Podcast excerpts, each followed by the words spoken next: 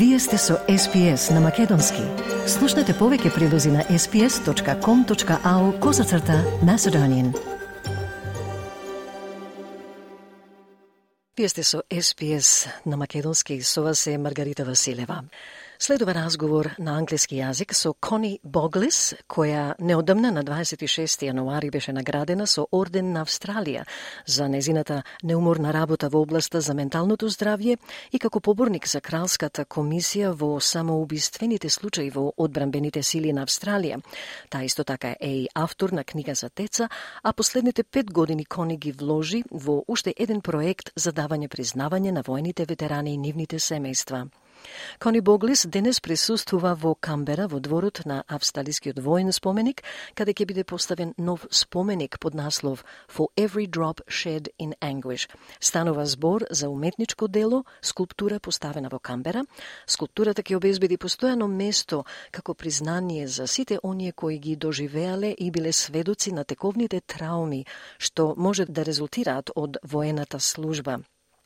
За време на последните пет години работа со ветераните, нивните семејства, поранешните организации и оделенијата за одбрана и прашања на ветераните, членовите на комисијата на засегнати страни едногласно го избраа предлогот на уметникот Алекс Ситен под наслов Секоја капка пролеана во болка, што ќе биде поле со извајани капки од австралиски мермер, високи до 1 метар, лоцирани во скулптурната градина на меморијалот.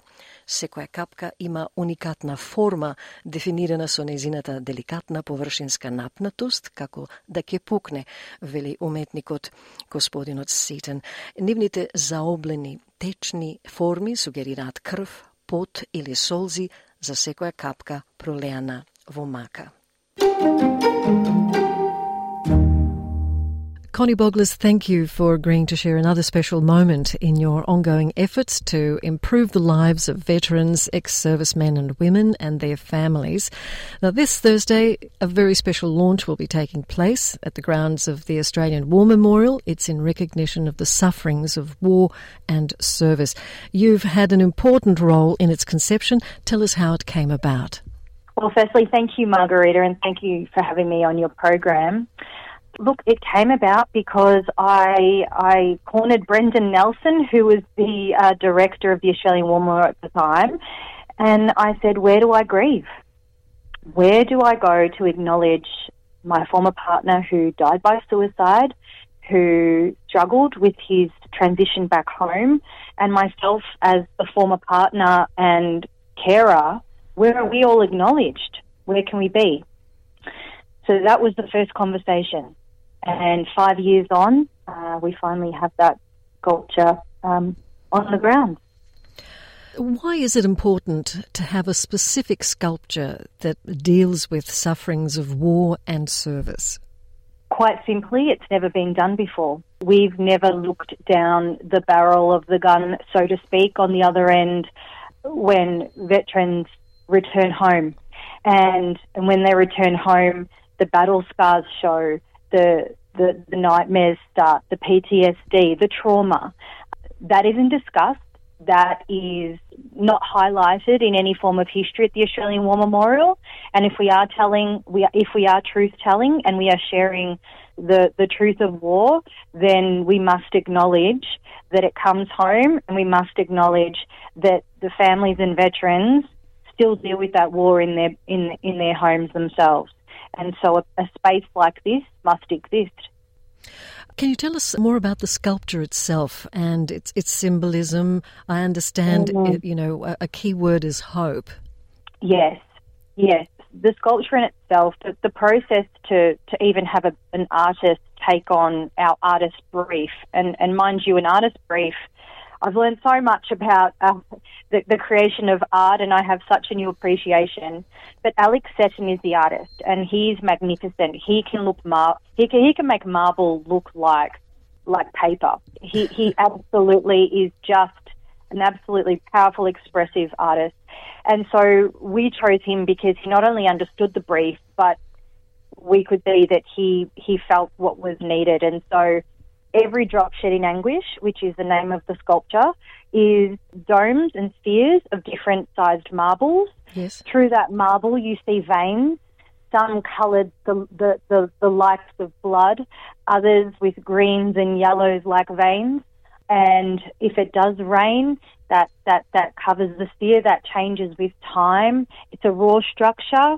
Oh, there are so many words to describe how powerful that is, but we, we could never unsee his responses to what it would look like. And so, with tears in in our eyes, we we uh, we're all in agreement that he was the artist to take on such a powerful piece. And there will be more, obviously, said on Thursday about it. But it, yeah, it's definitely an eyesore. You can't unsee it. So on the day, we will be launching the sculpture, and there will be a QR code where visitors can come and actually, I believe, share their own thoughts. People can also leave messages but there will be a documentary that comes out to follow that will be based at the Australian War Memorial as well. So there will be further information if people want to, to come explore and, and see a bit more. Mm. Right.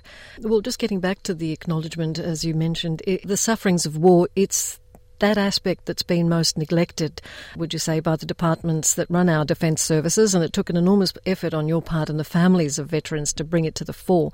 What's the feeling now amongst your veteran community with regards to the sculpture? I think for a lot of the community, they knew this was something that we were working on. For the majority, it's, it's an absolutely accepted piece of work to acknowledge on the grounds of the Australian War Memorial because, like I said, it hasn't been done before. But, you know, it, it's something for loved ones and even for you know, children attend the Australian War Memorial in, yes. in, in, in, in, droves with their schools. And this is also an education of our Australian history. This is a space to also to learn because generations before us, we had our grandparents and our great grandparents who, who also suffered in their own way and, and brought that home. And so I think there's a there's a cultural shift that we're hoping to achieve through this conversation and through this piece of work. And you know, the work with DVA over the years was one of which we, we had to hold a mirror to them and, and, and say you can no longer function in this way. You know, we, we needed them to feel, we needed them to yes. reframe the way they supported veterans and their families. And so this sculpture ties in beautifully to that conversation as well. And I think it's a really pertinent time to acknowledge that that shift is here.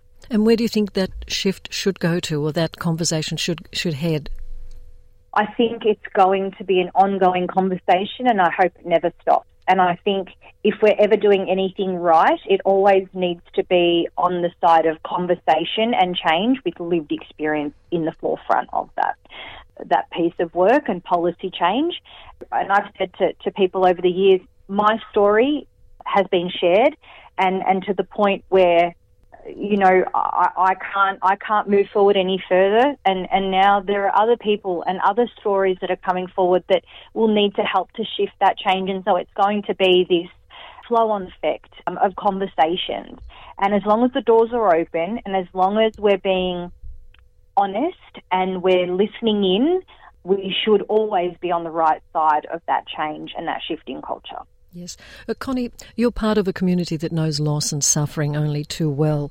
You have lost a partner, your Jesse Bird, who saw active mm-hmm. duty in Afghanistan. Uh, with all of the advocacy that you've been involved in, what, what would you have wanted to have been available to Jesse and to hundreds like him that would have lessened that suffering and avoided the loss? Mm. Look, upon reflection, back when we were involved, it was it was very much red tape, paperwork, black and white conversations. There was no space for the grey, and I think this is the uncomfortable space that a lot of departments and a lot of governments are finding that they're needing to shift into. We're needing to shift into that grey conversation that is more empathic, that is more humanitarian, that is more curious about an individual's holistic needs because that's where we miss people like Jesse. That's where we don't listen to the carers and loved ones like myself.